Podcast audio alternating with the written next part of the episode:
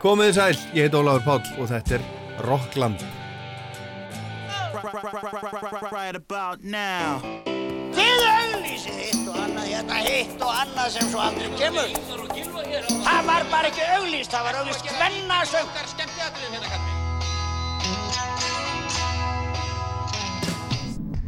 Hvað gerir kvöld? Kíkja á tónleikana? Ekki? Ég hef ekki beint fyrir mig að vera innan með einhverja brjála úlinga.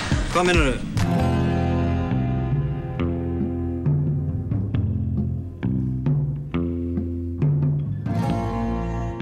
Mesta púðrið í dag fer í að segja frá bandaríska tónlistamanninum John Prine og spila lögin hans en hann lérst núna 7. april síðastliðin og það var COVID-19 sem tók hann.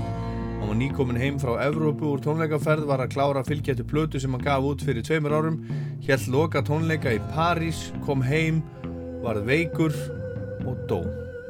Guðmundur Kristinn Jónsson, Kitty Hjálmur er mikill aðdáandi John Prine og hann og allt áskist tröstabandið voru á loka tónleikunum í París og fleiri vinir og kunningjar og við heyrim í Kitta hérna á eftir. En byrjum á örlittlu bítli. Í síðasta skipti sem bítlarnir komu allir fjórun saman til þess að, að taka upp var loka lægið á Abbey Road plötunni, lægið The End. Það er, það er tákarend, það er loka lægið sem, síðasta lægið sem við spiluðu allir fjóri saman í stúdiói. Það var 18. ágúst 1969. 20. september það ár let John Lennon félagar sína vita af því að hann væri að hætta, hann ætlaði að hætta og væri í raun hættur í hljómsveitinni hann var endar ekki á hreinu hvort það var endalegt eða hvað en hann væri að minnstakosti að fara að einbytta sér að öðru en að spila með þeim og þessu var haldið lindu ímissa hluta vegna og þarna áttu tvær síðustu bílalplötunar eftir að koma út Abbey Road 27. september 69 og It Be í mæ árið eftir 1970 10. april 1970, rúmum mánuð áður en It Be kom út, sendi Paul McCartney frá sér frettatilkynningu sem að sagði að hann var ekki lengur í bílánum og þeir eru væga sagt íllir félagar hans og sérstaklega Lennon sem að let hafa eftir sér að Paul hefði ekki hætt í bílánum heldur hefði hann rekið hann og við tóku leiðindi og lagaflækju sem þurfti að leysa í réttasölum og það tók nokkur ára að leysa svona helstu bílaflækjur Þetta var sérstaklega árið 1970 í april, 10. april, en árið eftir, um þetta leiti 1971, vildi það þannig til að allir fjórir bítlarnir áttu lög á breska vinsaldalistanum, top 40. Þetta er eitt þeirra.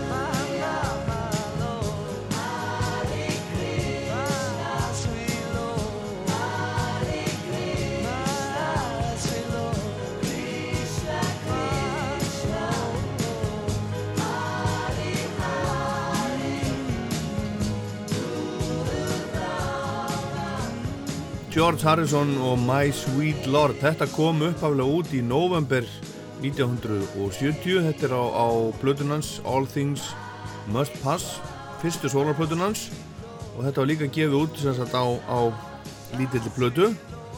Fyrsta sólarlægi sem Harrison sendi frá sér þetta fór á, á toppin á vinstallarlistum út um, út um allan heim og, og til dæmis í Breitlandi þetta var fyrsta lægi eftir Beatles sem að fór á toppin á vinsaldalistum.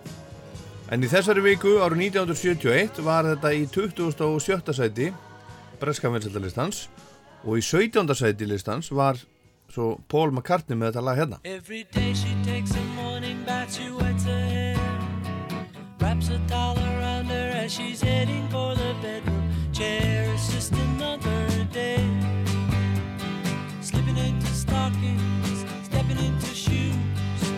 Dipping in the pocket of her raincoat. It's just another day At the office where the papers grow, she takes a break Drinks another coffee and she finds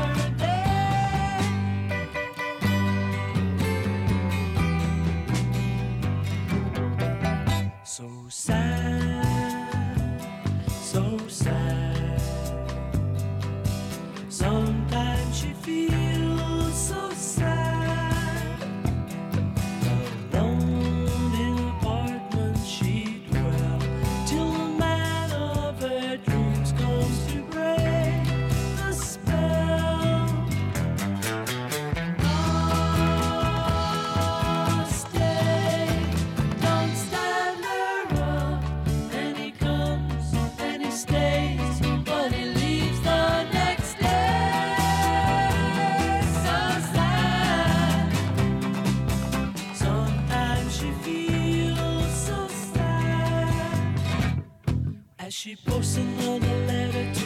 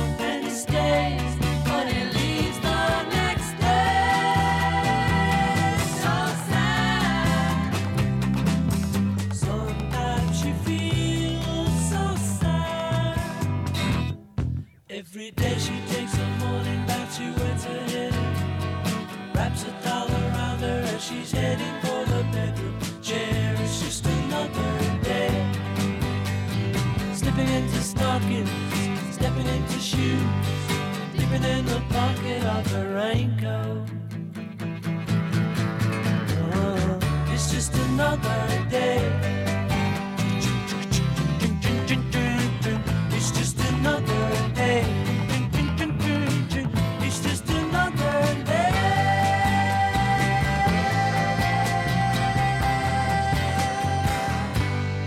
Paul McCartney og Another Day. Þetta er fyrsta lagi sem hann sendi frá sér eitt síns liðs án bílana þetta var reyndar, hann kom með þetta lag þegar voru að taka upp Let It Be plötuna á sínum tíma bílarnir 1969 en, en þetta þetta þótt ekki nógu gott einhverlega vegna. Þá endaði þetta ekki á plötunni en, en hann tók þetta svo upp þegar hann var að gera aðra sólurplötuna sína Ram 1970 og, og þetta fylgir yfirleitt með svona á setni tíma útgáfum af þeirri plötu.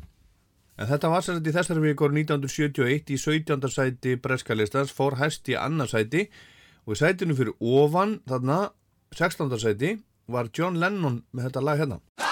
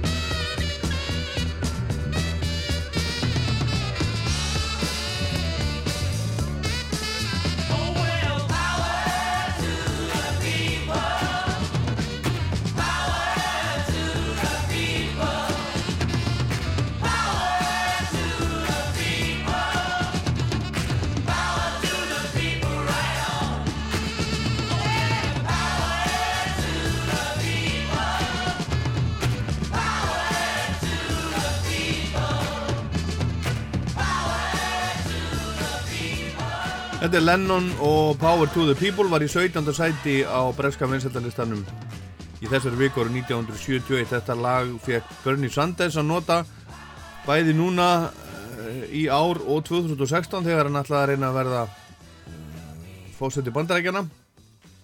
En þetta fór hæst í sjötta sæti á breska listanum, 11. sæti á listanum í bandarækjanum og kom svo út á, á plötunni, subplötunni Shaved Fish með Lennon árið 1975 og þá var bara eitt bítlalag eftir sem var á breska vinsætlaristan með þessari viku árið 1971 og það var e, í 12. sæti. Og það er lagið hans Ringo It Don't Come Easy. Og þetta er fyrsta lagið sem hann sendi frá sér eftir að bítlarnir hættu. Og þetta fór við um heim, þetta náði til dæmis fyrsta sæti vinsætlalistans í Kanada og fór hæst í fjórðasæti bæði í Bretlandi og Bandaríkjum. It don't come easy. Ringo Starr. Got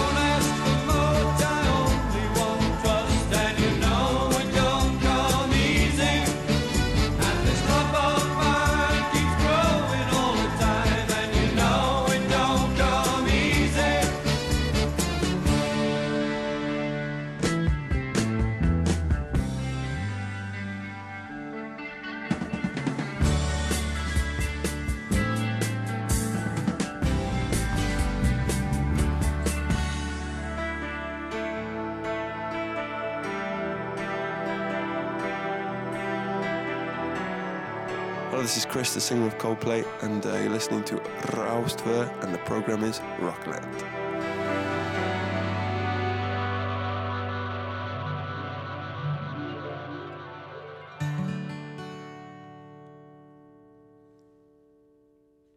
When I get to heaven, I'm going to shake God's hand, thank Him for more blessings than one man can stand.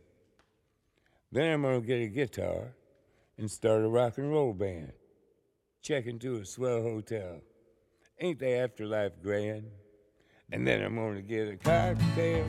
Þegar ég dey, þá ætlum ég að í hendin og guði og svo ætlum ég að fara á barinn og, og kveikja mér síkarettu og panta mér, panta mér drikk, segir John Prine. Þetta er loka lægið á síðustu og nýjustu plötunan sem að koma út fyrir tveimur árum. En nú er hann látin blessaður. Einn merkasti lagahöfundur bandarækjana í áratvíi segja sumir, til dæmis Bob Dylan. Hann varð 73 ára gammal og það var COVID-19 sem feldan núna í byrjun april.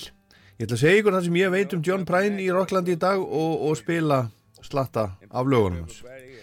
John Prine var söngvaskáld, hann var staðsettur á agrunum einhver staðar mitt á milli country og þjóðlagatónlistar og sjálfur sagðist hann sjá sig einhver staðar svona á milli hetjana sinna og fyrirmynda, Dylans og Johnny Cass.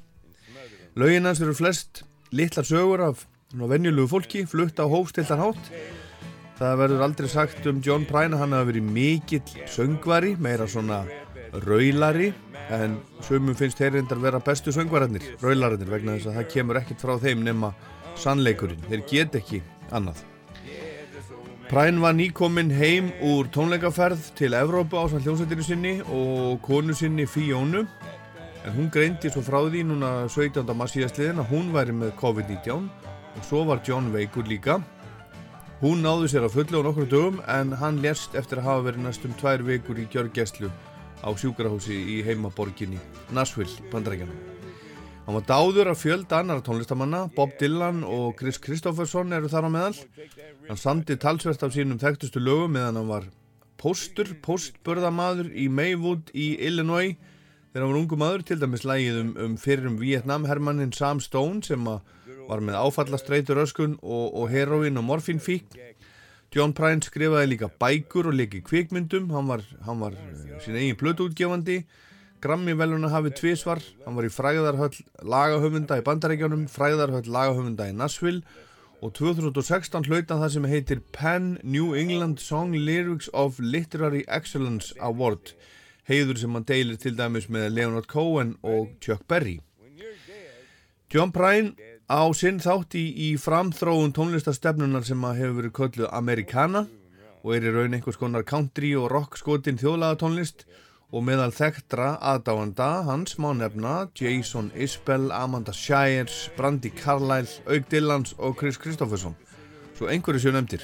Og meðal þeirri sem hafa hljóðrita lög eftir John Prine má nefna Bonnie Raitt, George Strait, Callie Simon, Johnny Cass, Don Williams, Everly Brothers, Joan Baez, Todd Snyder, Carl Perkins, Bette Midler, Áskjær Trösti, Sigurður Guðmundsson, hljómsveitin Klassart, Rúnar Júliusson og margir fleiri. Þetta lag hérna er eftir John Prine.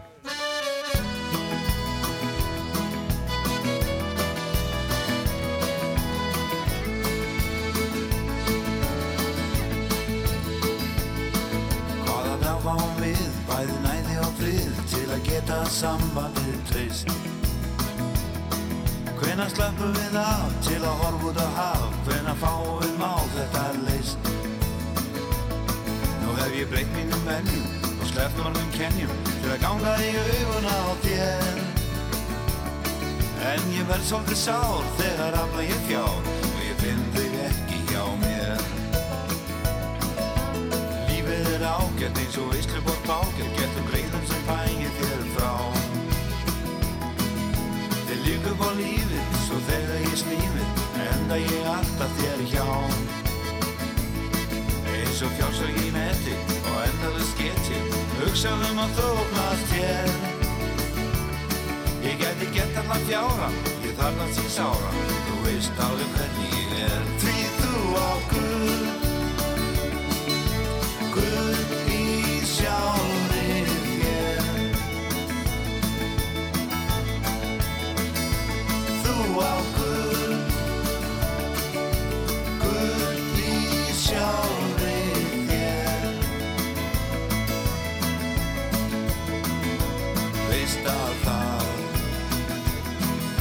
svolítið gull í mér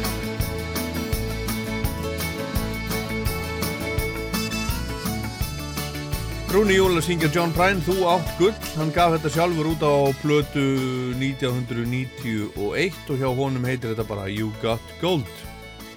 John Prine var aldrei stórstjarnar þannig lagað og það má kannski segja að honum hafi aldrei gengið eins vel og undanfarið, undanfarið nára en síðasta platan hans, The Tree of Forgiveness sem hann gaf úr 2018 fyrsta platan hans með nýri músík í 13 ár fór alla leið í 5. sæti bandariska vinsaldalistans en svo hátt á listan komust fyrir plötunar hans ekki og í setni tíð held hann yfirleitt stærri tónleika en hann hafi gert e, til þess tíma og loka túrina sem Európu gekk vel og eins og ég sagði henni upp að við þá uh, sáu loka tónleikana Guðmundur Kristi Jónsson og Áskist Trausta bandi þeir voru á ferðalagi um Európu og ákveða að, að nota frídægin sinn sem er áttu til þess að skreppa til París til þess að sjá John Prine á þessu tónleiku sem örðu hans loka tónleikar. Heyrum í Kitta í hjálmum hérna á ettir Guðmundi Kristni Jónssoni en þessa síðustu plötu sína gaf John út sjálfur eins og, eins og flesta sína plötur síðustu áratvíi, hann átti litla plötuútgáfi í Nashville sem hann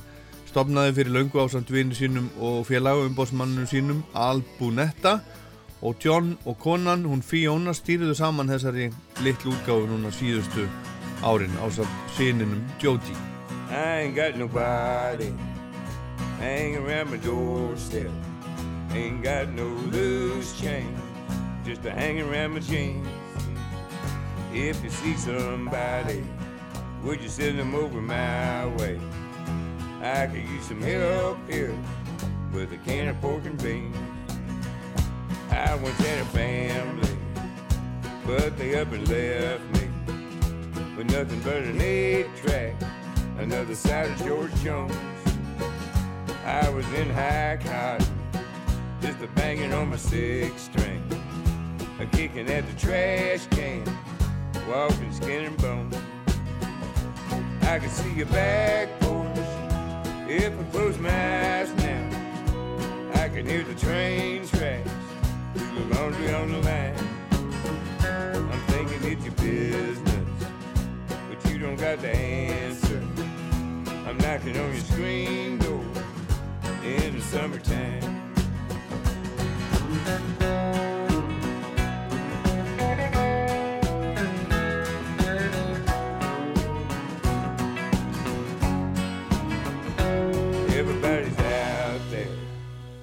Climbing on the trees now, swinging in the breeze now, hanging on the vine. I'm dreaming about a sailboat. I don't need a fur coat. Underneath the dashboard, got some sweet potato wine. I can see your back porch if I close my eyes now. I can hear the train track through the laundry on the line. Thinking it's your business, but you don't got the answer. I'm knocking on your screen door in the summertime. I'm knocking on your screen door in the summertime. Svona hljómar okkar maður John Prine á nýjustu síðustu plötunni The Tree of Forgiveness sem kom úr 2018 þetta er upphafslag plötunar Knockin' at Your Screen Door En John fættist í útkörfi Chicago Maywood. Pappans var stálverkamaður og var lengi fórseti verkælisfélags stálverkamanna á svæðinu. Nagli og hann Ól, John og bræður hans þrjá. Á músík, það var mikil músík á heimilinu, það var hlustað á svona gamaldags country músík, Jimmy Rogers, Carter Family, Hank Williams og aðrar Nashville og country hetjur. John var ekki mikill námsmaður, var ofta annars hugar en hann var snemma flottur lagasmiður, hann var ekki nema 14 ára gammal þegar hann samti fyrstu lögin og lög sem hann gaf út þó svo það hafi ekki gerst fyrir en áratug setna eins og til dæmis þetta hérna sem heitir Sour Grapes. I don't care if the sun don't shine, but better off people will wonder. No man, if it ever quits raining, Some of the kids are afraid of the thunder, say sour grapes. You can laugh and stare, say sour grapes. I don't care. Couldn't care less if I didn't have a friend. Some people would say I was crazy. It wouldn't work, cause I don't need money. Except the same folks that say I was lazy, say sour grapes. You can laugh and stare, say sour grapes. But I don't care.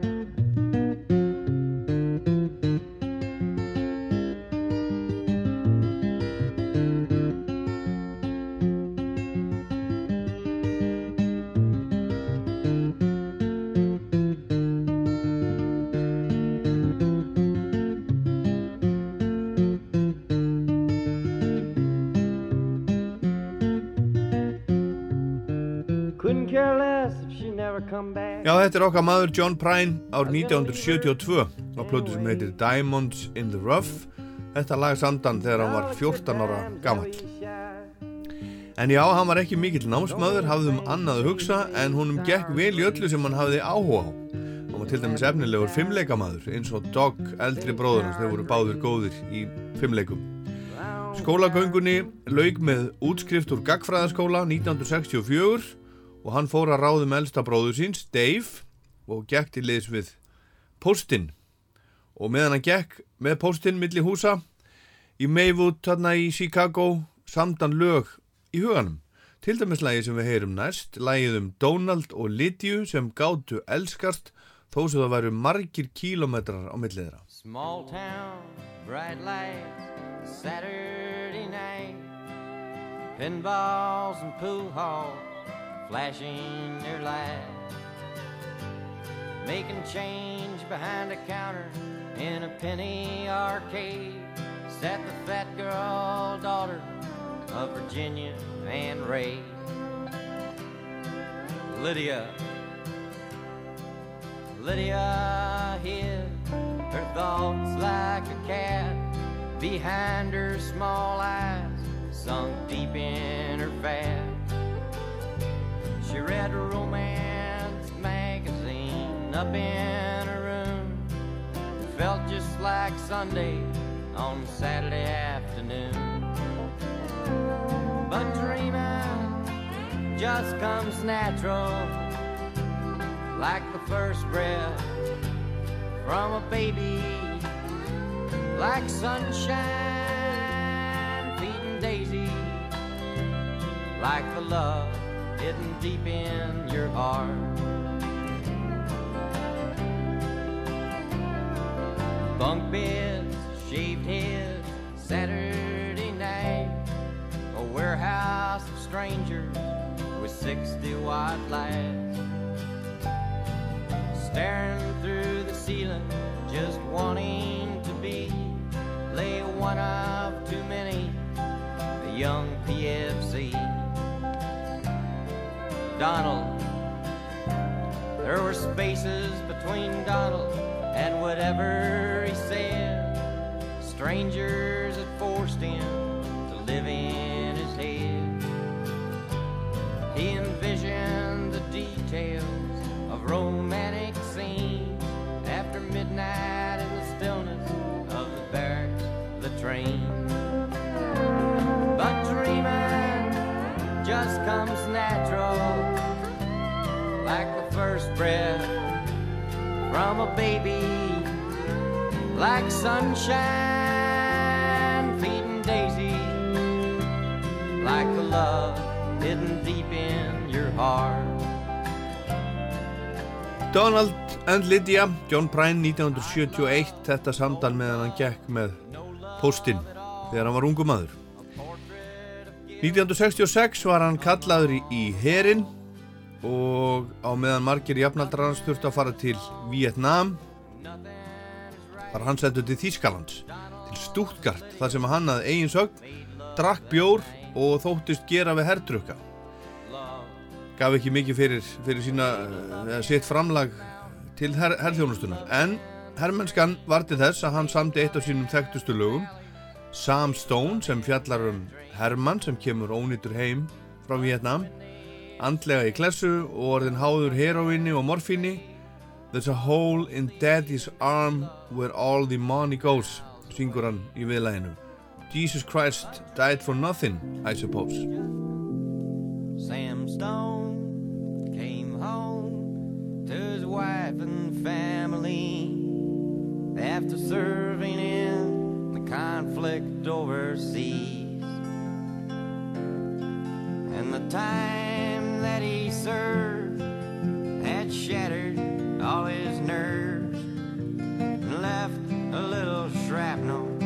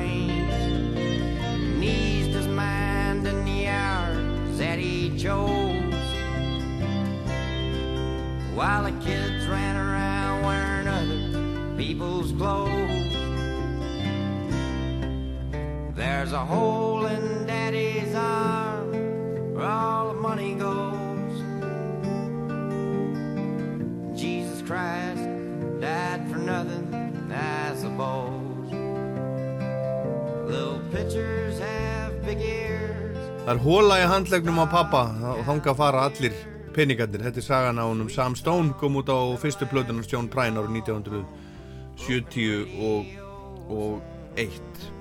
í viðtali við Rolling Stone fyrir tveimur árum saði John hann að vilja semja lag hann á þessum tíma setja sig í spór ungu mannana sem að voru sendir í hryllingin til Vietnam í þeim tilgangi að, að drepa þar fólk á þess að vita nokkuð tíma til hvers þeir vo- væru að því hvað þeir væru að gera þarna. Komið svo heim ónýtir á líkama á sál og dópistar margir hverjir. Og í læginu segir hann Jesus Christ died for nothing I suppose. Það er talsvert vonleys í þessu sagði hann í viðtalinu við Rolling Stone. En Johnny Cass hann gaf þetta lag út á sínum tíma og, og breytti þessari línu sagði Daddy must have hurt a lot back then I suppose. Prine sagði að, að ef þetta hefði verið einhver annar en Johnny Cass ædolans þá hefði hann sagt honum að steingleima því að breyta textanum svona en vegna þess að þetta var Cass þá ákvaðan að gera ekkit ekkit í því, leiðu nú bara að hafa þetta svona. Það var Jerry Wexler hjá Atlantic útgáfunni sem bauð John Prine blötusamning á sínu tíma eftir að hafa síðan spilað nokkur lög sem gerstur á tónleikum hjá Chris Kristofferson á stað sem að heitir The Bitter End. Er í Greenwich Village í New York og er ennþá starfandi og fyrsta platan var tekin að mestu upp í American Sound Studios í Memphis. Arif Martin var upptökustjóri en hann hafði þarna verið að vinna með fólki eins og til dæmis Arethu Franklin. When I was a child, my family would travel down to western Kentucky where my parents were born. And there's a backwards old town that's often remembered so many times that my memories are worn. And Daddy, won't you take me back to Muhlenberg County, down by the Green River where paradise lay?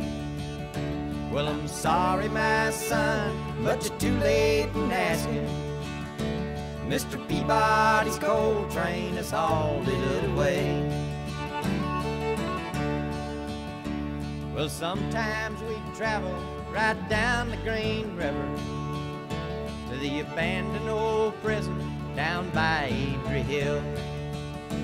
Where the air smelled like snakes and we'd shoot with our pistols. But empty pop bottles was all we would kill. And Daddy, won't you take me back to Muhlenberg County, down by the Green River where paradise lay? Well, I'm sorry, my son, but you're too late in asking. Mr. Peabody's coal train is hauled it away.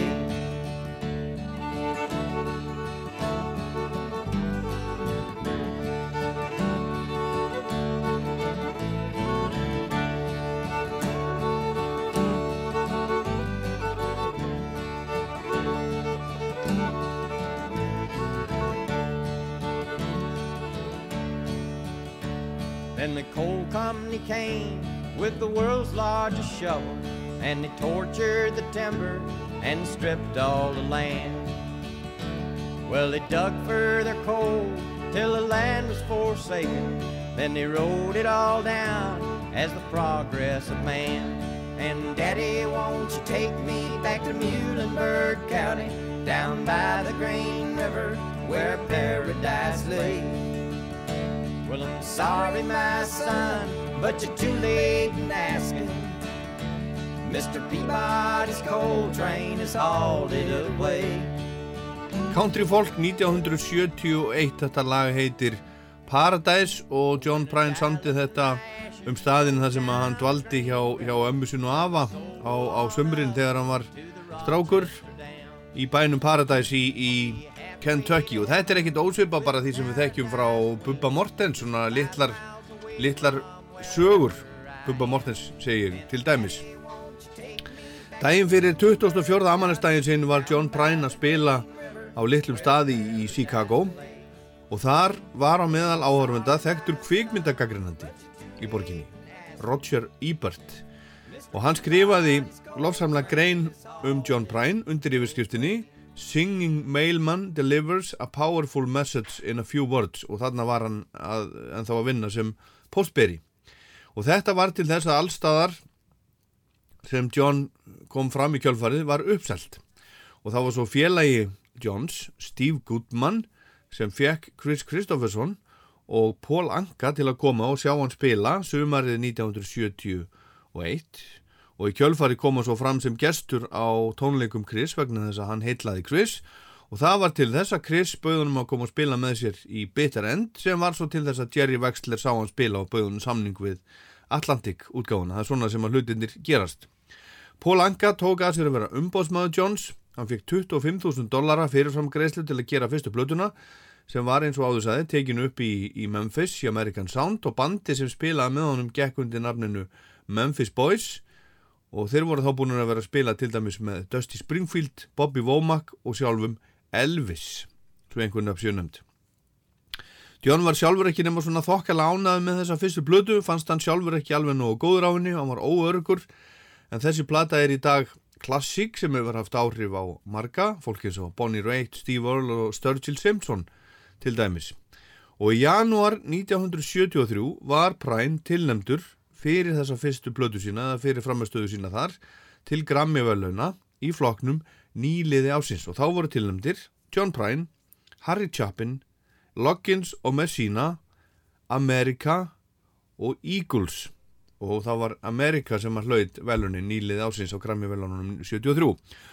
Sama ár gaf Bette Midler út fyrstu plötuna sína The Divine Mrs. M og á þeirri plötu er eitt af, af lögunum á fyrstu plötunans Johns, lagið Hello in There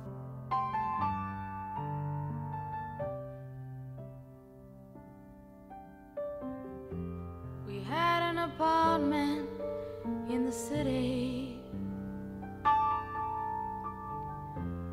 Me and my husband liked living there. It's been years since the kids have grown a life of their own, left us alone. John and Linda live in Omaha. Joe is somewhere on the road. We lost Davy in the Korean War. I still don't know what for. Don't matter anymore. You know that old trees just grow stronger, and old rivers grow wilder every day. But old people, they just grow lonesome, waiting for someone to say hello in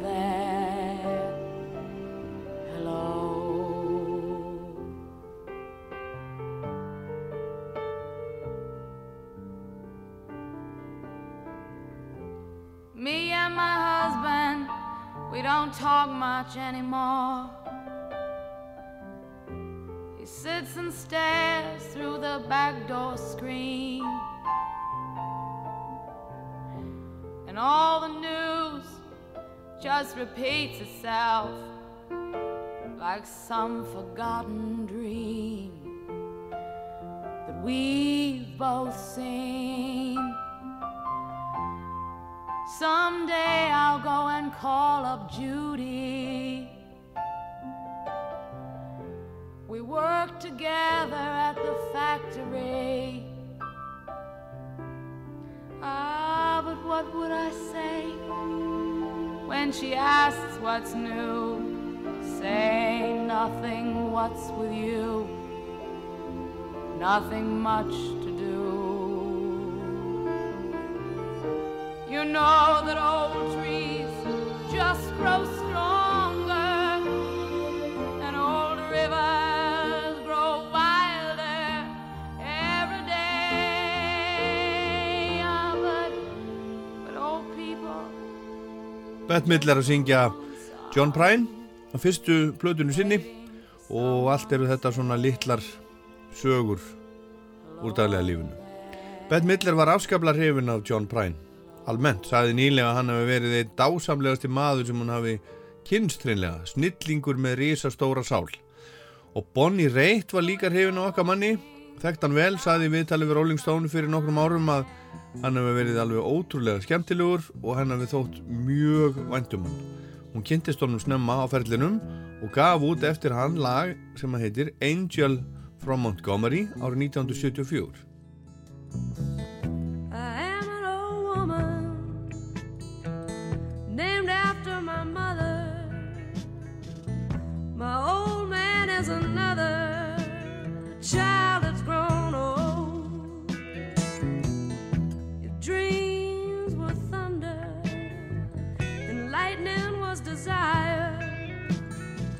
This old house would have burnt down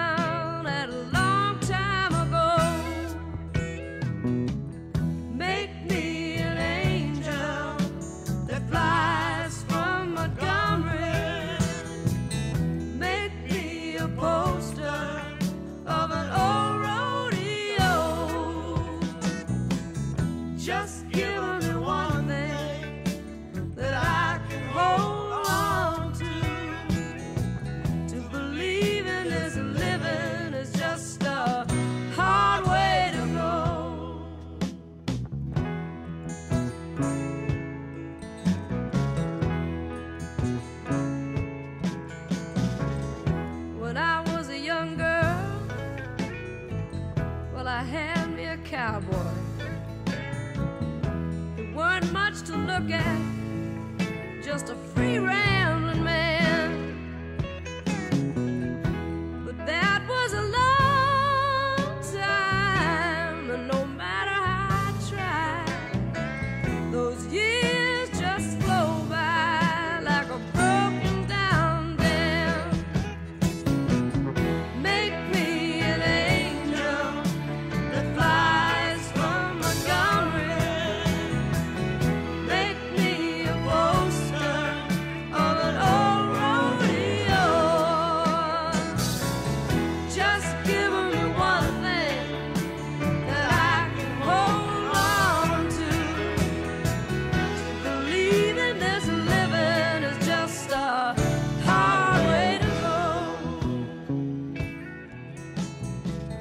Bonnie Raitt af plötunni Streetlights frá 1974, lagið eftir hinn nýlátna John Prine og hún flutti þetta lag á Grammy-háttíðinni núna í janúar þegar John var heiðraður þar.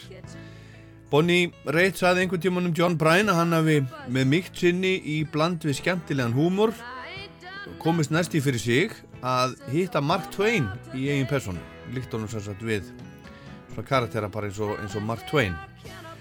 John gerði samning við, við Atlantic Records 1971 sem margir hefðu eflust gefið heilmikið fyrir en hann kunni ekki við þetta system og líkti bransanum við bankastarðsemi og sagði að það væri miklu meira viti því að fara bara í bankan og fá lán til að gera plötu, borga svo lánið með því sem kæmi inn í stað þess að vera að fá greiðslu frá plötufyrirtæki sem að rukkaði þig svo um hverja krónu aftur og væri rauninni alltaf að eyða peningonu þínum fyrir þig án þess að spyrja þig hvað þér finnist um það. Halda partí og, og, og, og svona. Og svo, svo rétta þér tónlistamanninum alltaf reikningin til að borga. Þannig að tónlistamæðurinn er alltaf í skuld við plötuútgáfuna.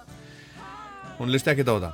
En önnur platan hans kom út 1972 kostaði 7200 dollara í framleyslu og þá var bjór innifallin sagðan senna og þið munnið, hann fekk 25.000 dollara fyrir svona greiðslu til að gera fyrstu plötuna, þetta er miklu læri uppæð heldur en, heldur en það. Hann var sína, sína fram á það að það kostaði ekki mikið. Það kostaði ekki endilega mikið að gera plötu. En þetta var ekkert pop. Útgáðan vildi að hann færi kannski aðeins meira í þá átt en þetta er svona country bluegrass plata og bróðir hans, Dave var hans hægri hönd við I knew a girl who was almost a lady. She had a way with all the men in her life. Every inch of her blossom and beauty.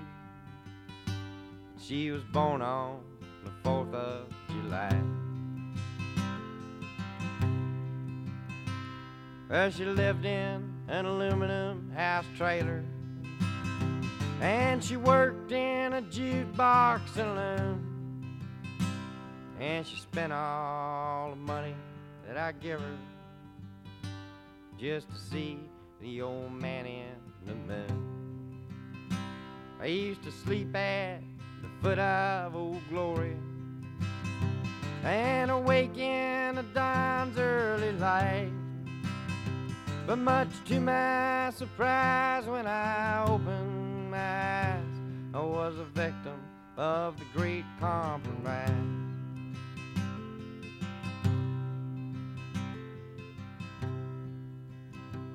Well, we'd go out on Saturday evenings to the driving on Route 41.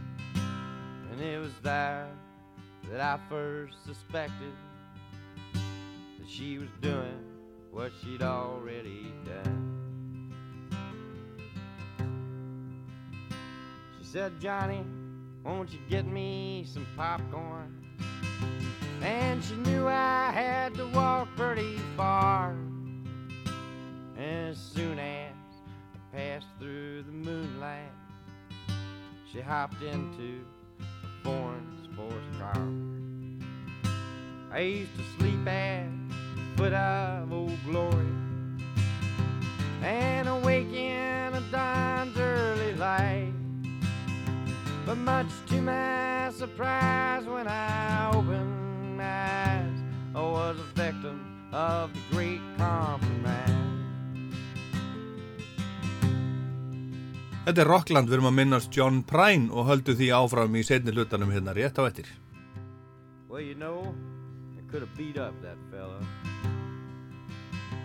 But it was her that had hopped into his car. And many times I fought to protect her. Hi, this is Steve Earle, and you're listening to Rockland on Icelandic Radio 2. Well, you know, I could have beat up that fella. But it was her that had hopped into his car. Many times I fought to protect her. But this time she was going too far. Now some folks Þetta lag heitir The Great Compromise af annari plötu John Prine frá 1972.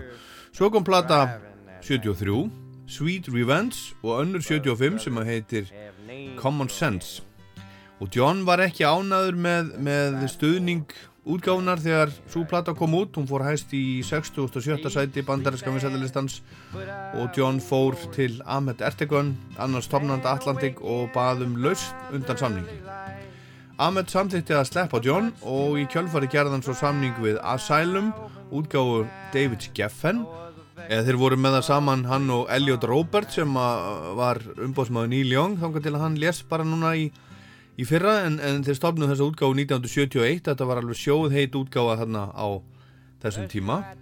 Og David Geffen leikinn maður til dæmis í því að Eagles örðu til og svona og hann var með Linda Ronstadt á sínu snærum og Joni Mitchell og fleiri. En John gerði sem sagt samning við Asylum og útkom fín plata sem heitir Bruised Orange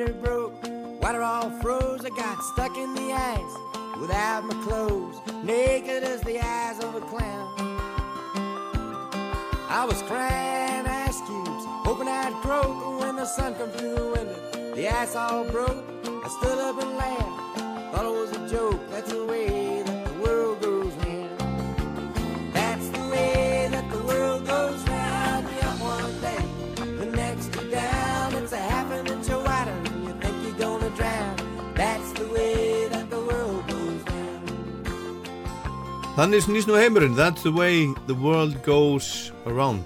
John Prine á plötu sem að heitir Bruised Orange Asylum þeirra David Skeffen og Elliot Roberts gaf líka út næstu plötu. Pink Cadillac sem kom út 1979 og hún er svona hálgerð rockabilly-plata. En svo ákvað John að stopna bara sitt eigið plötufyrirtæki og gefa út sjálfur sem að var mjög sjálfkjæft á þessum tíma og hann gerði það með félaga sínum og umbóðsmanni Albunetta. O-Boy Records kölluður fyrirtækið og business modelið var þannig.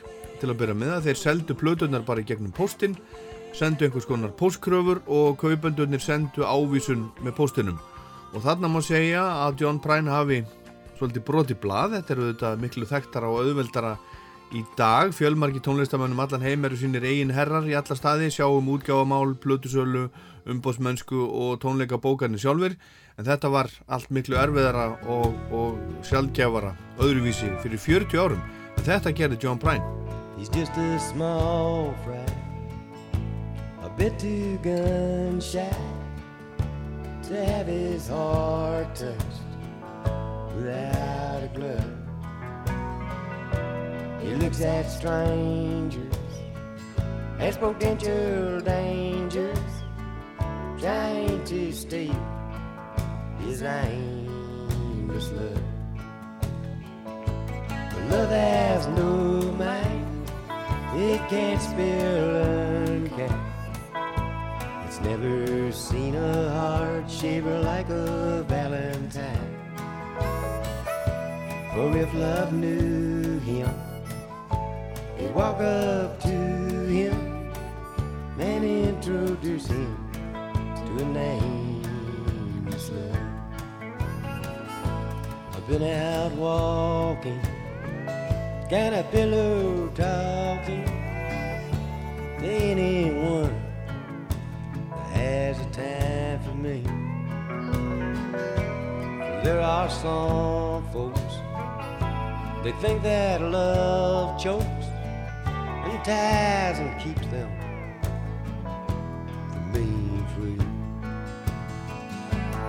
Has no mind, it can't spare unkind.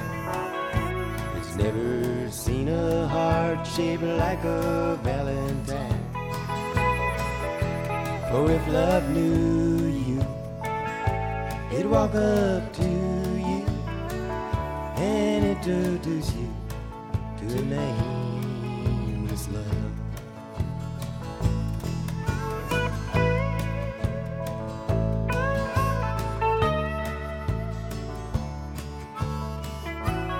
Við erum inn í Rockland í dag að minnast bandaríska tónlistamannsins John Prine sem að COVID-19 tók núna á dögunum. Þetta er, er titilag blödunar Aimless Love sem er fyrsta platan sem hann gaf út sjálfur undir merkjum Oh Boy Records.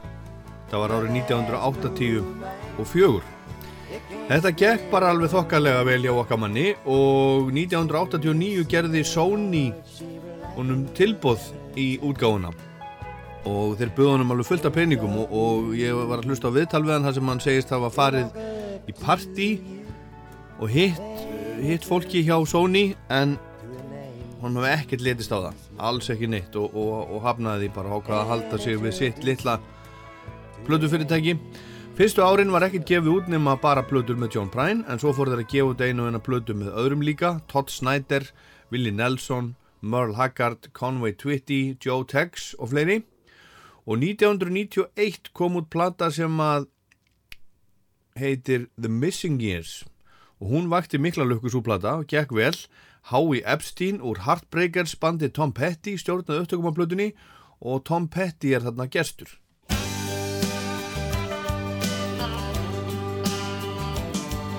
A young man from a small town with a very large imagination lay alone in his room with his radio on, looking for another station. And when the static from the mouthpiece gave way to the sound below, James Dean went out to Hollywood and put his picture in a picture show. James Dean went out to Hollywood and put his picture in a picture show. And it's oh, daddy, get off of your knees. Mama, why'd you have to go? Your darling Jim is out on a limb. I put my picture in a picture show. Oh, oh, my picture in a picture show. Hamburgers, cheeseburgers, Wilbur and Orville Wright. John Garfield in the afternoon, Montgomery Clift at night. And when the static hit the mouthpiece, it gave way to the sound below. James Dean went out to Hollywood and picture in a picture show. And it's oh, daddy, get off of your knees. Mama, why'd you have to go? Your darling Jim is out on a limb. Put my picture in a picture show. Whoa, whoa, my picture in a picture show.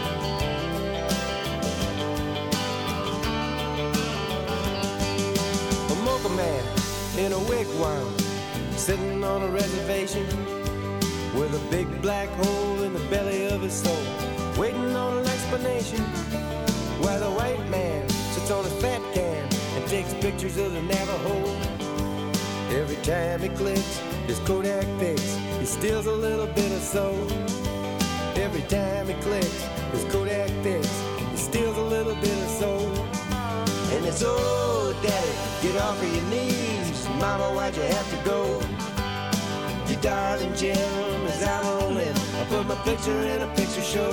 Whoa, whoa, my picture in a picture show. Ah, ah, my picture in a picture show. Let's go. Þetta er frábært lag, þetta er uppáðslag Plötunar Missing Years sem John Prine sendi frá sig 1991 og Tom Petty er þarna gestur Okkar maður fekk Grammy-velun fyrir plötuna í floknum Best Contemporary Folk Album og Bonnie Raitt er líka þarna gestur og Bruce Springsteen.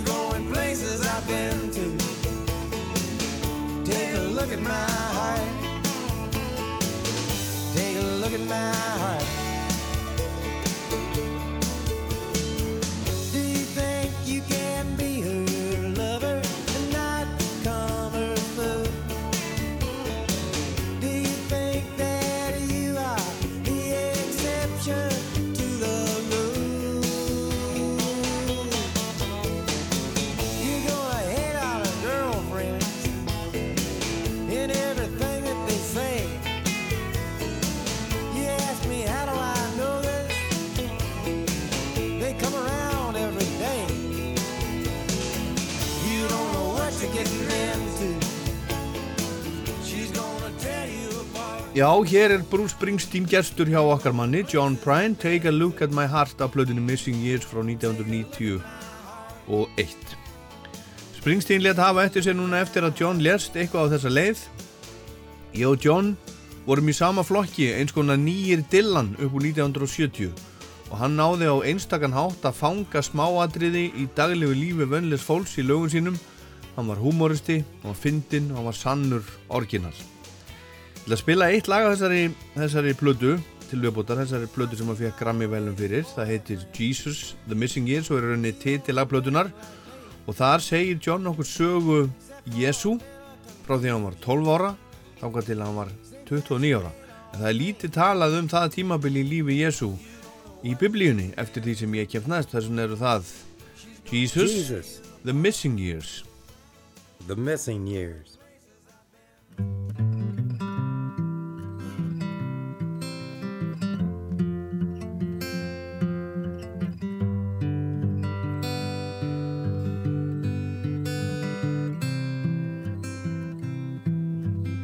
It was raining, it was cold.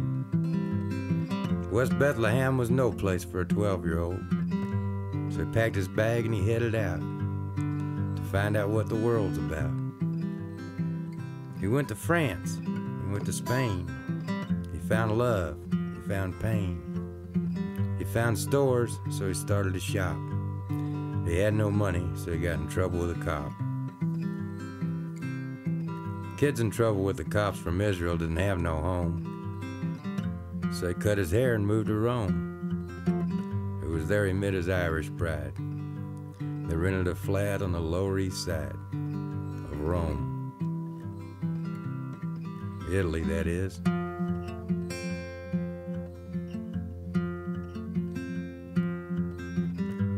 Music publishers,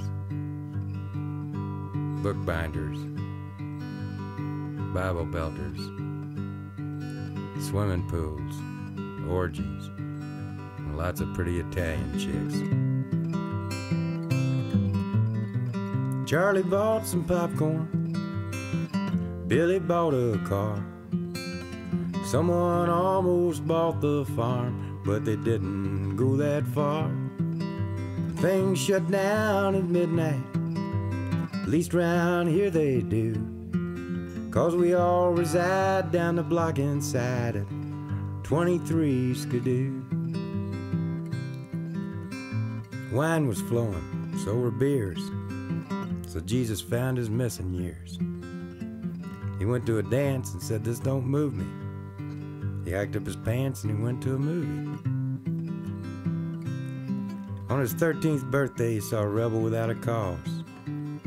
He went straight on home and invented Santa Claus, who gave him a gift. He responded in kind. He gave the gift of love and went out of his mind. Jesus the Missing Years, John Prine. 1991 John var þrýgiftur hann kventist fyrst æsku ástinni Ann Carroll árið 1966 og þau voru saman framöndu 1980 þá kventist hann Rachel Peer 1984 en henni kynntist hann í hljóðveri í Nashville á sínum tíma. Og svo kynntist hann henni írsku Fionn Whelan í Dublin 1988 hún var að starfa þá í músikbransanum og, og, og þau hittust. Hann, hann bauði henni út og hún fjall fyrir honum og þau eru par. Hún var 27 ára gömul, einstamóður og hann rúmlega fært úr Fiona flutti fljótlega til Nashville með, með, með svonsinn og þau giftust, hún og John 1996, þau voru þá búin að eignast tvo sinni, Jack og Tommy og John ætleiti líka svon Fiona sem hann átti fyrir, hann Jody og John segist að hafa gerð sér grein fyrir því fljóðlega eftir að hann kynntist Fíónu að hann ætti bara að einbytta sér að því að, að semja lög, láta hana um flest annað. En hún og Jody sáu saman um flest sem komað praktísku málum fyrir John árum og í rauninni áratugum saman og, og gerðu margt gott fyrir hann og hans feril Lífi gekk sinn vanagang, allt var gott eða minnst að kosti flest en svo gerðist það árið 1997 þegar John var í miðjum klíðum að taka upp duettaplötu með, með ímsum tónlistarkonum, til dæmis Emilu Harris, Trissu Yearwood og Lucinda Williams. Plötuna In Spite of Ourselves að hann fór til læknis, hann var, hann var komið með eitthvað, með eitthvað kíli á hálsinum sem hann, sem hann skildi ekki í.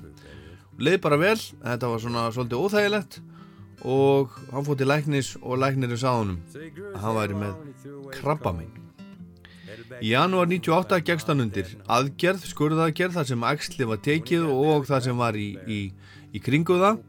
Og þetta hafði áhrif á, á röddina hjá John og um tíma leitt út fyrir að hann myndi aldrei aldrei að minnst eitthvað syngja meir ferillin væri á enda. En hann náði sér fyrðulega vel röddin, hún breytti svolítið við þetta. Hann þurfti að uh, læra svolítið að tala og syngja um að nýtt fór rólega stað og endur koman var einu og hálfu ári eftir aðgerð á litlum tónleikum í Bristol í Tennessee og honum var gríðarlega vel tekið. Og hann sagði sjálfur að hann hafði eftir á tekið í höndina á öllum sem mættu á tónleikana. Og þessi litlu tónleikar sögðunum að þetta væri hægt, hann væri ekki búinn, hann gæti haldið áfram.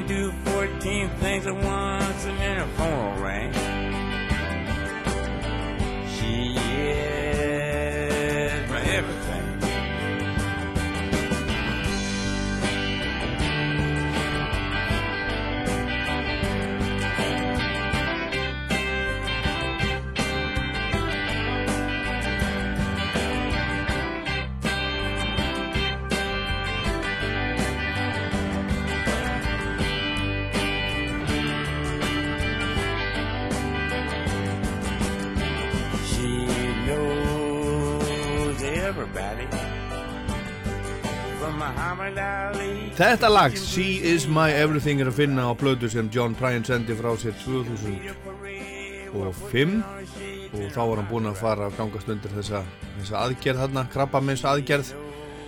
Er Fair and Square þessi plata og hann fekk Grammy-velun fyrir þessa blödu og þarna á þessu tíma voru hinnir og þessi fannir að tala um John Prine sem áhrifavald ýmsir yngri tónlistamenn í country og fólkdeldinni Tíminn leið hann jafnaði sig á þessu lífið var bara nokkuð gott í okkar manni. Hann gaf út blöður á og til og held tónleika eins og gengur. En svo 2013 var hann aftur greindur með krabbamein hann var alltaf mikill reykingamaður og lífsnautnamaður almennt og nú var hann komið með krabbamein í annar lungað. Það var skorið í burtu og eftir að hann jafnaði sig fór hann aftur á stað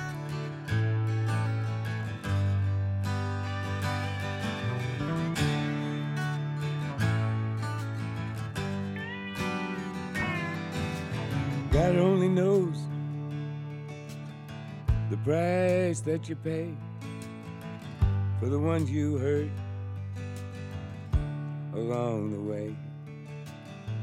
If I should betray myself today, then God only knows the price I pay. God only knows.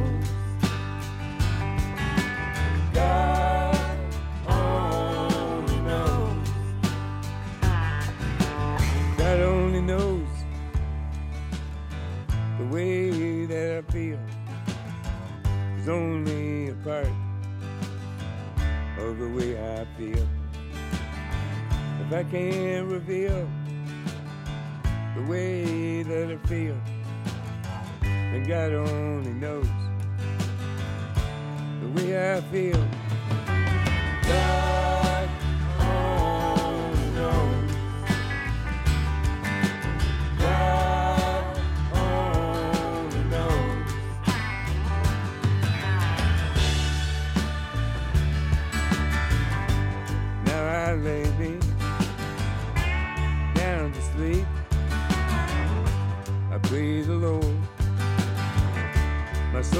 Keep if I should die before I wake. I pray the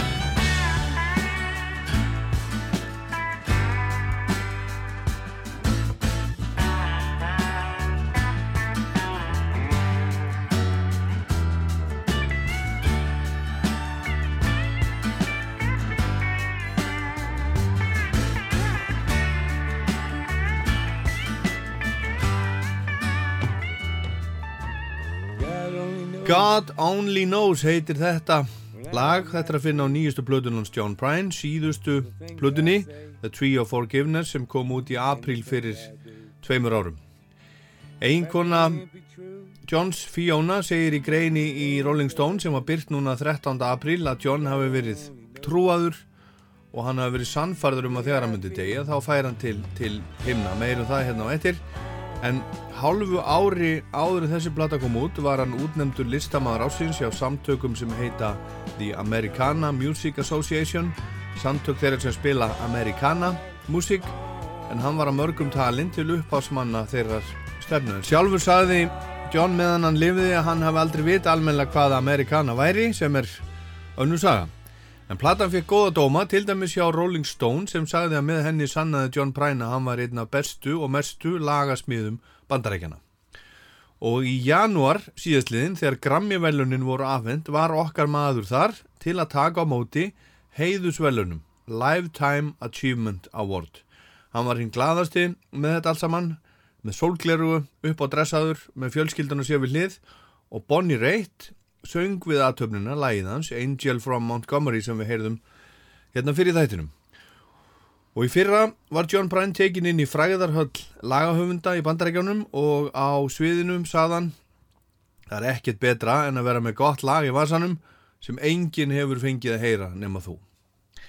En síðustu tónleikarnir sem John held voru svo litið sérstakir. Þeir voru í endan á, á túrnum sem, sem John fór til þess að fylgja eftir síðustu plötunir voru í París eh, og þar hafði hann aldrei spilað áður. Vegna þess að Parísabúar hafðu aldrei bara svo stettið því að fá eða aldrei byggðan um að koma.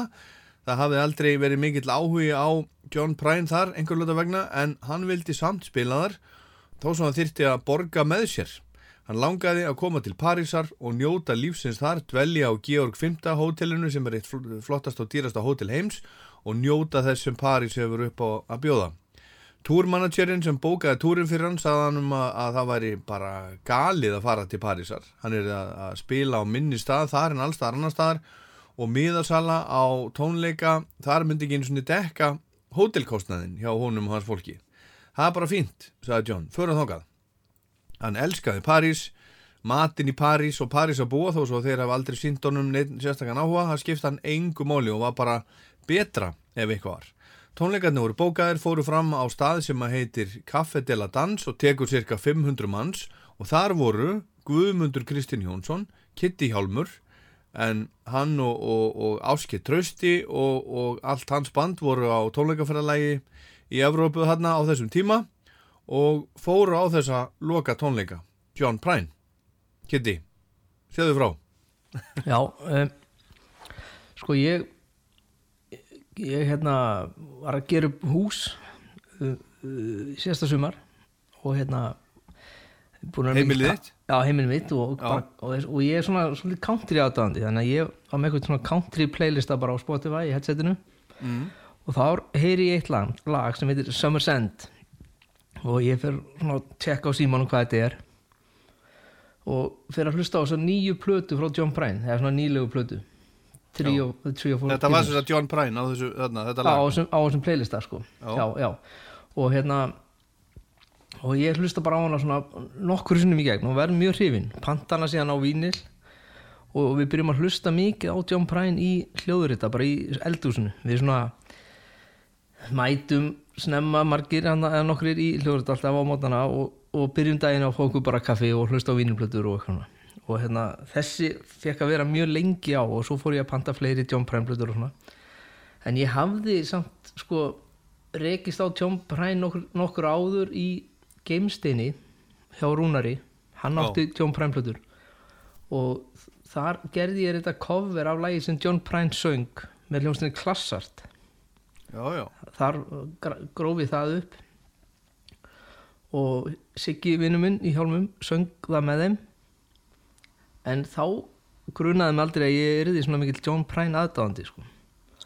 og hérna síðan, já, síðan fyrir ég bara hlusta og hlusta á John Prine og, og hérna svo er, er ég svona undanfann ár hef ég fengið svona aukin áhuga á að fara erlendis á tónleika að fóra á Vilkóðum daginn í París og, og svona hef farið á, á svona bara skotist helgaferðir út Já. og hérna ég, nefnir, fannst þetta alltaf svo mikið vesen að fara á tónleika. Þó, þó ég, mér finnst það er ekki eins mikið vesen að vera á sviði sko. En hérna en ég veginn uh, er síðan að bara skoða John Prine hvort, hann sé eitthvað að spila og svona og síðan er á hann er á tónleikaferðilega svipum tíma við í Evrópu með áskýri og ég sé að eini möguleikin okkar að sjá hann er í París því að við um tónleika í London daginn áður frí þennan dag þegar hann er í París og eigum að vera í Belgíu daginn eftir þannig að ég spyr strákana bara í tölvústi hvort að e- einhver í bandinu sé til að koma með mér bara til Parísar og þá hugsaði ég mig bara að ég myndi taka veist, rútan myndi bara fara sína leið bara réttur leiðina Mhm. og ég og kannski einhver einn myndum fara til Parísar og, Já. John Bryan nema að það vildu bara allir fara Já, á já. tónleikana sem komið svolítið óvart sko og hérna tónleikarnar haldir á þessum stað kaffedeladans sem að við áskil spiluðum á uh, nokkrum mánuðum áður sko. Þá vorum við bara með svona lítið setup svona, svona Mhm. kassagítarútgáfa á áskil sjónu svona eiginlega svona. Pínlítið staður og ég gleymi aldrei þegar að hérna, Ásgeir- samt, samt 500 manna staður. Já, já, en eh, á svona frekar lítið staður en hérna uh, en það sem að komið svona svo óvart er sko Áskir og Júli þeir byrjuðu alltaf tveir og ég kom inn á sviðið í sko, þriðja fjórðalagi Mhm. og meðan ég satt backstage þarna að þá sá ég sko svona eitthvað skonar mús í sturtunni sko backstage sturtunni Mús? Já, hann að ég var, fór sko meðan þeir voru að spila þá var ég að reyna að veiða hérna, setti svona eitthvað, eitthvað svona að ég held góð, góð, góð gæti fyrir músina en, en svo þegar ég kom af suðuna þá þá leit hún ekkert við því sko Nei, nei þetta voru mér sko, þess að franski rostar. Já, ok, já, já. En all, allavega hana að ég þekkti staðinn vissi að þetta er svona cozy næ staður og allir voru til að, að fara. Og hann að ég næja að hérna, plata bara túrmanager um að breyta daskar á nokkar en við myndum taka bara day off í Paris Mhm. og, og plata síðan Braga Valdimar Skúlason og Sigga og Guðmunds Hjálm og kona hans og Maríu kona mína til að koma með og svo var hérna líka Benny Valls ljósmyndari Þau, þau voru á Íslandi Já, þau voru í Íslandi, þau flugu bara út fyrir tónleikana Já. og, og hérna og svo var hérna já, svo var einn ungur drengur hérna, sem að hefur verið að aðstokku með bakkalút Dóri heitir hann Já, já. og hann, hann, ungur strákur kom líka á tónleikana hann var reynda bara hérna í skólaferðalagi sko. stakk Já, já. unga vinni snaf og hérna og já, stakk unga, ungu vinni sinna og kom með okkur á country tónleika sko. Aha. en hérna, já, svo bara e, e, svo byrja tónleikandi bara og er, er svona eitthvað frekar, okkur hans frekar leiðilegt uppbytunaröðrið en svo sjáum við hann, hann er orðin mjög slappur þegar hann lappar á svið John og hérna og maður sér svona að hérna, hann, hann þarf að styðja hann og hann situr á tónleikunum já, og segir að hérna þetta, þetta séu síðustu tónleikarnir hjá honum á þessu, þessu ferðlega, hann þurfa, hann þurfa hérna, cancela restinni. Hann er að sé að fara í mjadmaskista aðgerð og hérna og hann ætli nú, þessum þetta væri nú dýr aðgerð, þá ætla hann að fá sko, þetta að endast allavega í 20 ár sko, þannig að fái nú eitthvað eitthvað fyrir peningin sko. Já. En hérna, hann fór í aðgerðina vist en, en því miður þá náði hann ekki að hérna, endast honum neitt að vita Nei En, en hann, já, hann, hann, hann satt þarna En hérna, uh, hérna ná, uh, Náðu eitthvað að hitta hann eða eitthvað svo leiðis? Nei, en ég, ég hérna eh, já, við, við, við sendum honum samt post sko, ég og hérna við, svona ásker, við sendum post og, og, og að því við höfum tekið upp svona svona, svona cover af lagi okkur, við ætluðum að spila lag eftir hann þegar við kæmum síðan til Nashville, því að þetta var í februar Já. í mars a- a- er, vorum við að fara að túra Ameríku þannig við ætluðum að spila eitt lag eftir hann í Nashville, að hann býr þar sko. já, já, já. og tókum það upp sko en hérna og ég sendi þeim post en sendi þeim reyndar ekki lægi sko, ég sendi þeim bara post og sagði bara við varum þessi hópur frá Íslandi að koma heil hljómsveit á ferðalagi og komum að taka svona auka auka, auka hérna svona dítúr og hérna og þau svöruðu strax tilbaka og, og buðu okkur í sko að koma í kaffi heimsækja sig þegar við kæmum síðan til Nashville sko Já, já, og við vorum í smá svona bregafskristum saman og, og hérna og þau mitt, sendi bara hvernig fannst ykkur tónleikarnir og allt þetta sko. Og hérna þannig að við, e, veist, við vorum bara leiðinni til Nashville að hitta þau og kiki, í kaffi sko. En, en það var síðan ekki. Og, og, og svo náttúrulega líka þá var fyrir þetta náttúrulega það sem þá var náttúrulega okkar tónleikaferð líka slegin af eins og, eins já, og öllu já, öðru já, sko. já, já, algjörlega Herðu, en hérna uh, ég, ætla, ég ætla að spurja þig meira út í, í tónleikara hérna rétt og eftir en við skulum heyra, þú sendi mér uh, leiði mér að, að, að uh, spila hérna lægið hans á, áskers lægið Já. eftir, eftir John Prine þetta hefur ekkert komið út Nei, ég, ég heldur sem ekki svona búinu með þetta sko. Já, þetta er ekki tilbúið Nei, já, veist, kannski er þetta bara tilbúið kannski ekki, við veitum ekki alveg hvort við ætlum að gera eitthvað meira við þetta sko. Já, en, En þetta, hérna- er, en þetta er lægið sem að kveikti neistan hjá þér. Já, já. Summer's End af, af, sem er á nýju, plötunni. Já. Já, heyrum þetta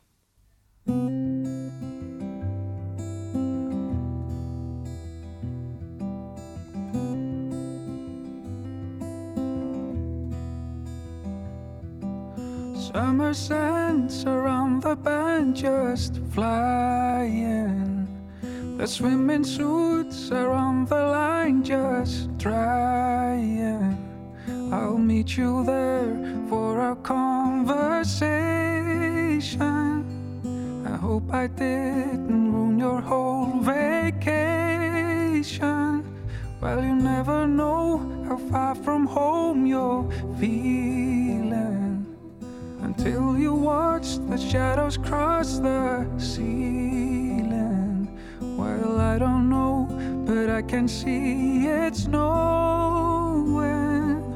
In your car, the windows are wide open. Just come on home. Come on home. No, you don't have to be alone. Just come on home.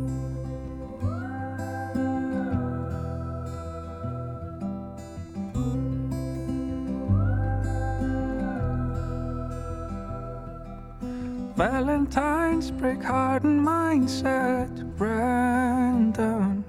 That old Easter egg ain't got no leg to stand on. Well, I can see that you can't win for trying. Year's is bound to leave you crying. Come on home. Come on home. No, you don't have to be alone. Just come on home.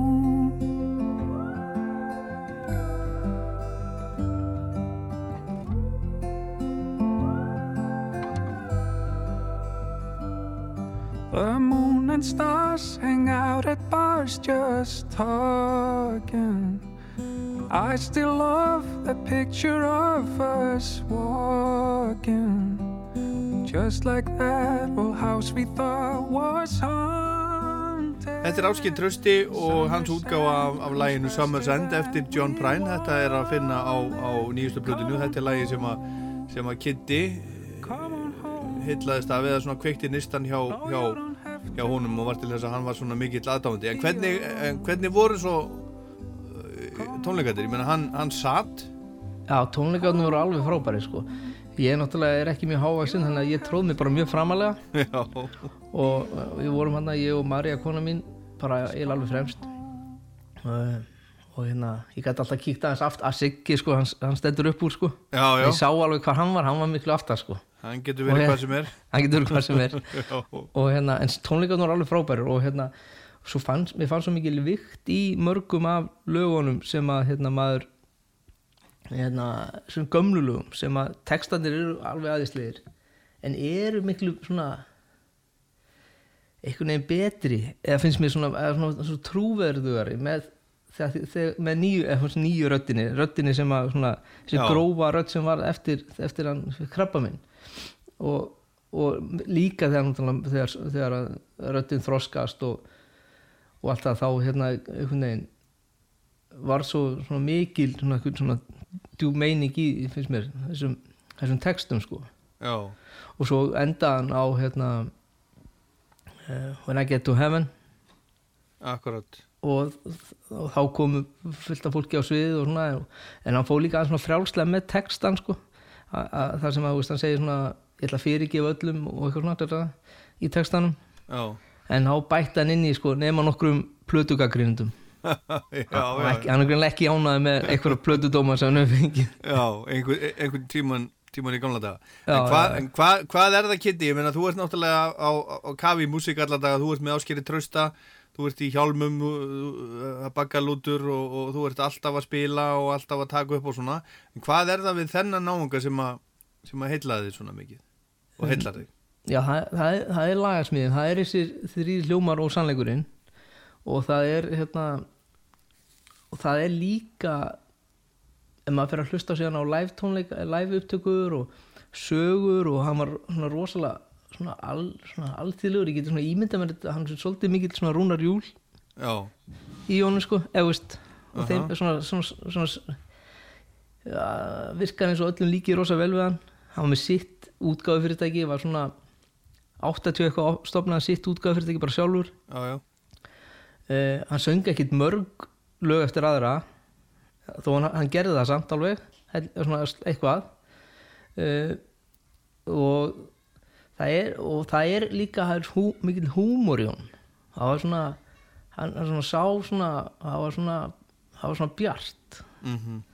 Hann var, var gaggrininn en rosalega svona húmorist sem að ég eh, hafði mjög gaman á og sérstaklega gaman að, hlusta síðan á svona live upptökur og, og gramsa í því öllu að því að það, þar heyrir maður einhverja sögur og svona sem að hérna, sem að hérna, maður tengi við og, og hefur gaman að og, veist, það, og líka veist, maður, þetta er svona tónlistar áhuga, veist, ég held að þetta sé svona tónlistamæður tónlistamannana svolítið. Já, hann var svolítið talað um það. Já, hann er maður svona og maður getur fundið síðan aðra tónlistamenn í gegnum hann því hann er að segja manni sögur af öðrum og svona sko Mhm. eins og hérna Blaze Foley sem að ég er að hlusta svolítið á núna sem á hérna eitt af lögunum sem er mest spiluð með, með John Prine sko Já, Clay Pigeons Já, það er eiginlega mest, eitt, eitt mest spilað lagi hans Já. Sem á, á, á Spotify hjá, hjá John Prine en hann á ekki það lag sko. Hann á það ekki, en, en það er einmitt, við erum líka með, með hérna, upptöku frá þér af því lagi með, með Sigga Já, já, ég kom reyndar ekki nála til upptöku. Ég, ég Nú, var það ekki? bara, Nei, nei, ég vaknaði bara einn morgunin þá hafði Siggi eitthvað verið að dúlla sér í, í stúdíónu sinu um miðanótt og, Já, og hann stóð bara eitt fyrir præn já, já, já, já. Hver, hérna- hver, Hvernig tók hann þetta upp? Ég held að séu bara nokkri dagar. Það? Því fjóri dagar síðan, já. Þetta er mjög, mjög vel gert, en þannig ertu, komið með, já þannig er rauninni sko þrjú lög sem að þú hefur komið að, það er, það er klassartlægið, Já, fyrsta, svo er það Áskil Trösti, Summer Sun sem við höfum á hann, og svo er það þetta Clay Pigeons, er eitthvað, er eitthvað meira svona John Bryan, Bryan í píbónu hjá þau kannski? nei, nei, ekki beint sko. Ég, ég væri samt alveg til í að gera eina svona John Prine bara kvöldstund sko í hljóðrita. Þar sem myndum einhver, einhverjir góðu félagar koma og hitta og hittast og spila smá.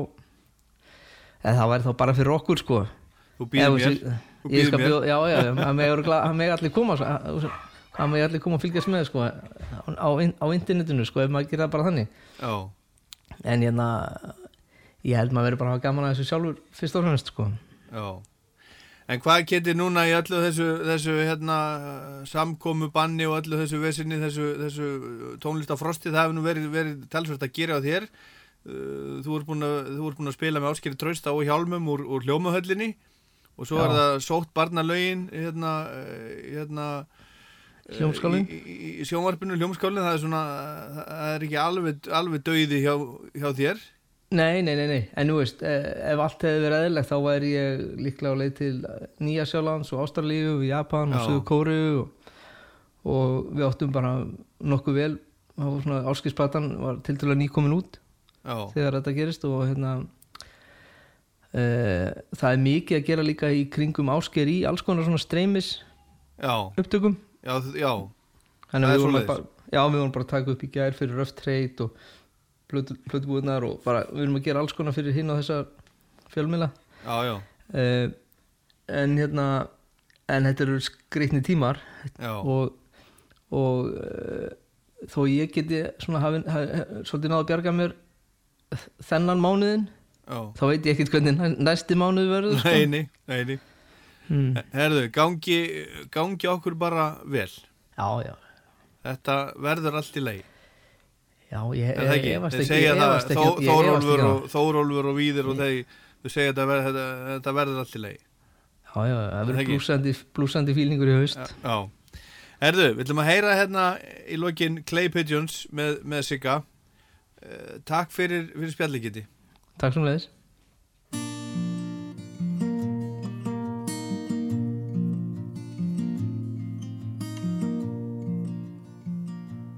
I'm going down to the Greyhound station. Gonna buy a ticket to ride. I'm gonna find that lady with two or three kids and sit down by her side. Ride till the sun comes up and down around me about two or three times. Smoking cigarettes in the last seat. Sing a song for the people I meet and get along with it all. Where the people say y'all. Sing a song with a friend and change the shape that I'm in and get back in the game, start playing again.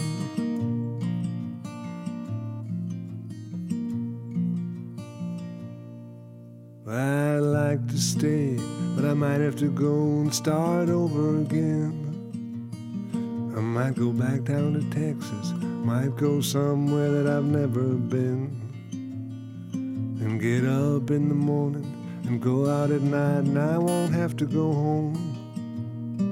Get used to being alone, change the words to the song, and start singing again.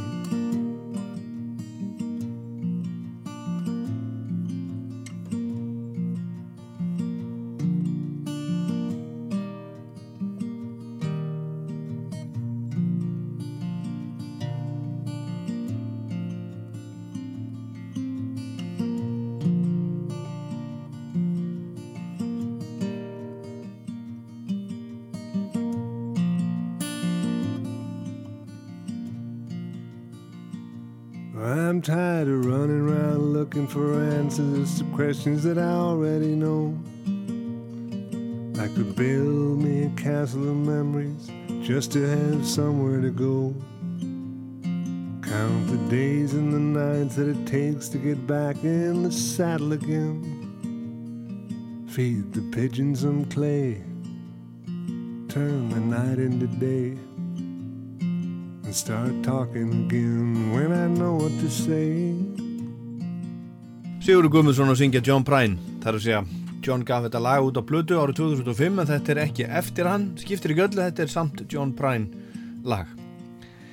Hann ætlaði uppaflega að halda fleiri tónleika þarna eftir Parísa tónleikana en verkurinn í mjöðminni var til þess að hann ákvaða að aflýsa restinni af tónleikaferðin eins og Kitty saði hérna á þann en hann og Fiona ákvaðu að vera samt nokkra auka daga í París eftir tónleikana voru meira að minna á hótelinu fína, pöntuðu roomservice, drukku dýr vín og horfðu saman á sjómarpið, horfðu til dæmis á myndina Joker, segir Fiona í greininni sem var byrkt í Rolling Stone núna fyrir, fyrir stötu en, en hún fór út, hann var inn á hótelherbyggi, hún fór út og keipti handónum gjafir, keipti handónum ný gleru, segir hún, og, og, og ring sem hún ber núna. Hún segir í þessari grein að hún hafi vitað að hann yrði ekki langlífur. Og mikið hafi verið búið að ganga á til þess en hún segist hafa haldið að hann ætti nokkur góð ár eftir og þau saman. Þegar þau komu heim til Nashville gegst John undir mjadma aðgerð sem gekk vel en svo fór hann að hósta. Fór til læknis sem ákvaða að taka COVID-19 test af þeim báðum hjónunum þar sem að þau voru nýkomin og ferðarlegin frá Európu og nokkur dögur setna hafði læknirinn samband. Testi sem að hann tók var ekki alveg örugt hann væri kannski með COVID, kannski ekki en hennar síni var að mista kosti jákvætt. Og hún segist það var fengið áfall. Hún fór í einangrun hann var áfram heima hún fann lítið fyrir þessu, fann fyrir litlum engjarnum en honum fór svo að vestna hún var komin aftur heim en þau voru á sitt hverju hæðinni hann uppi, hún niðri og einn daginn þá sagðist að hann var alltaf geta haldið sér vakandi, hann væri alveg bara gjörsamlega örmagna. Hann var fluttur á sjúkrahós og tveimur dögum eftir að hann kom á sjúkrahósið var hann settur í öndunavél og var í henni í tíu daga áður en hann kvatti. Fiona fekk að sitja hjá honum undir það síðasta þar sem hún var búinn að fá vírusinn. Hún talaði stanslöst við hann, hún spilaði fyrir hann músik, spilaði upptökur með öðrum tónlistamönnum að spila lögin hans, spilaði kveðjur úr símanum frá fjölskyldun hans og sagði honum hluti sem hann langaði að segja honum. Hann gæti ekki tjáð sig en ég vil trúa því að hann hafi heyrt í mér, segir hún og 7. april síðastliðin lest hann svo 73 ára gammal. Í kjölfari fór á stað mikil alda á samfélagsmiðlum fólk að minnast præn. Hann fekk kveðju frá Bob Dylan til dæmis sem sagði Hæfileikar og Andy Jones voru gjöf til heimsins, við erum heppin að hafa áttan. og hann fekk líka kveðju til dæmis frá Michael D. Higgins fórseta Íra. Á COVID-tímum er ekki hægt að halda almennilega útför eða minningaratöfn og það verður að býða betri tíma en fjölskeldan er búin að segja frá því að hann verði brendur og helmingur öskunar fari í ána þar sem hann dvaldi á sömurinn þegar hann var strákur með fjölskyldunum sinni, ömmu og afa og hinn helmingunum verður grafin hjá foreldrum hans í Chicago. Hann var skemmtilegur og gladur náingi, segir Jóti, uppeldi sonur hans, fóstu sonur hans í greininu góði Rolling Stone. Hann hafði ánægju af, af litlum hlutum eins og að fá sér pulsu eða ís eða köku, hann fekk alltaf ís eftir tónleika og oft leta hann eins og einhver ætti ammali svo hann getur fengið sér köku. En loka lægið á síðustu plötunars John heitir When I Get to Heaven og þar talar hann um að þegar hann yfirgefi jarðvistinni allan að tjekka sín á gott hótel, hann ætlar að byrja á því að taki hendin á Guði, tekka sér svo inn á gott hótel, finna gítar og stopna rockband, opna síðan bar sem hann ætlar að kalla The Tree of Forgiveness og þar ætlar hann að halda til með fjölskyldunni sinni, hann ætlar að byrja að reykja aftur, en eins og áður sagði þá var hann vissum að sín byði vís vist í himnaríki að þessari vistu lokinni, hvað og hvernig sem að það svo, svo væri og erði, en líklega er það ekkert svo ólíkt lífunum sem hann lifði, sem var gott. When I get to heaven, I'm going to shake God's hand, thank Him for more blessings than one man can stand. Then I'm going to get a guitar and start a rock and roll band. Check into a swell hotel. Ain't the afterlife grand? And then I'm going to get a cocktail. Svona endur við þennan þátt í dag. Þetta var Rockland, ég minn á Rockland á netinu, rú.is, í rú spilaranum og, podcast á iTunes og Spotify til dæmis eða það sem er náðið ykkur í, í podcast. Ég heit Ólaður Pál Gunnarsson. Takk fyrir að hlusta.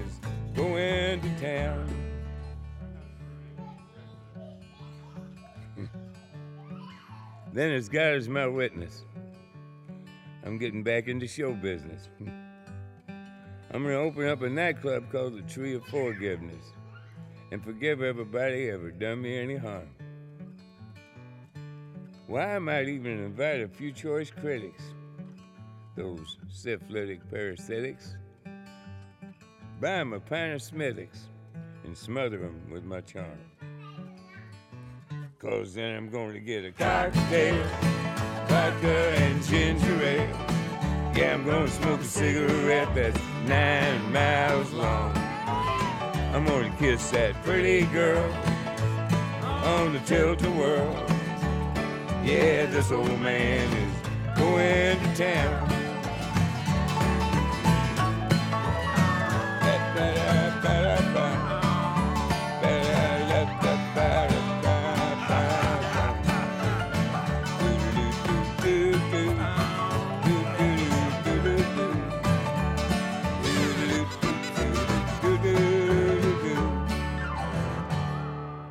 Yeah, when I get to heaven, I'm gonna take that wristwatch off my arm.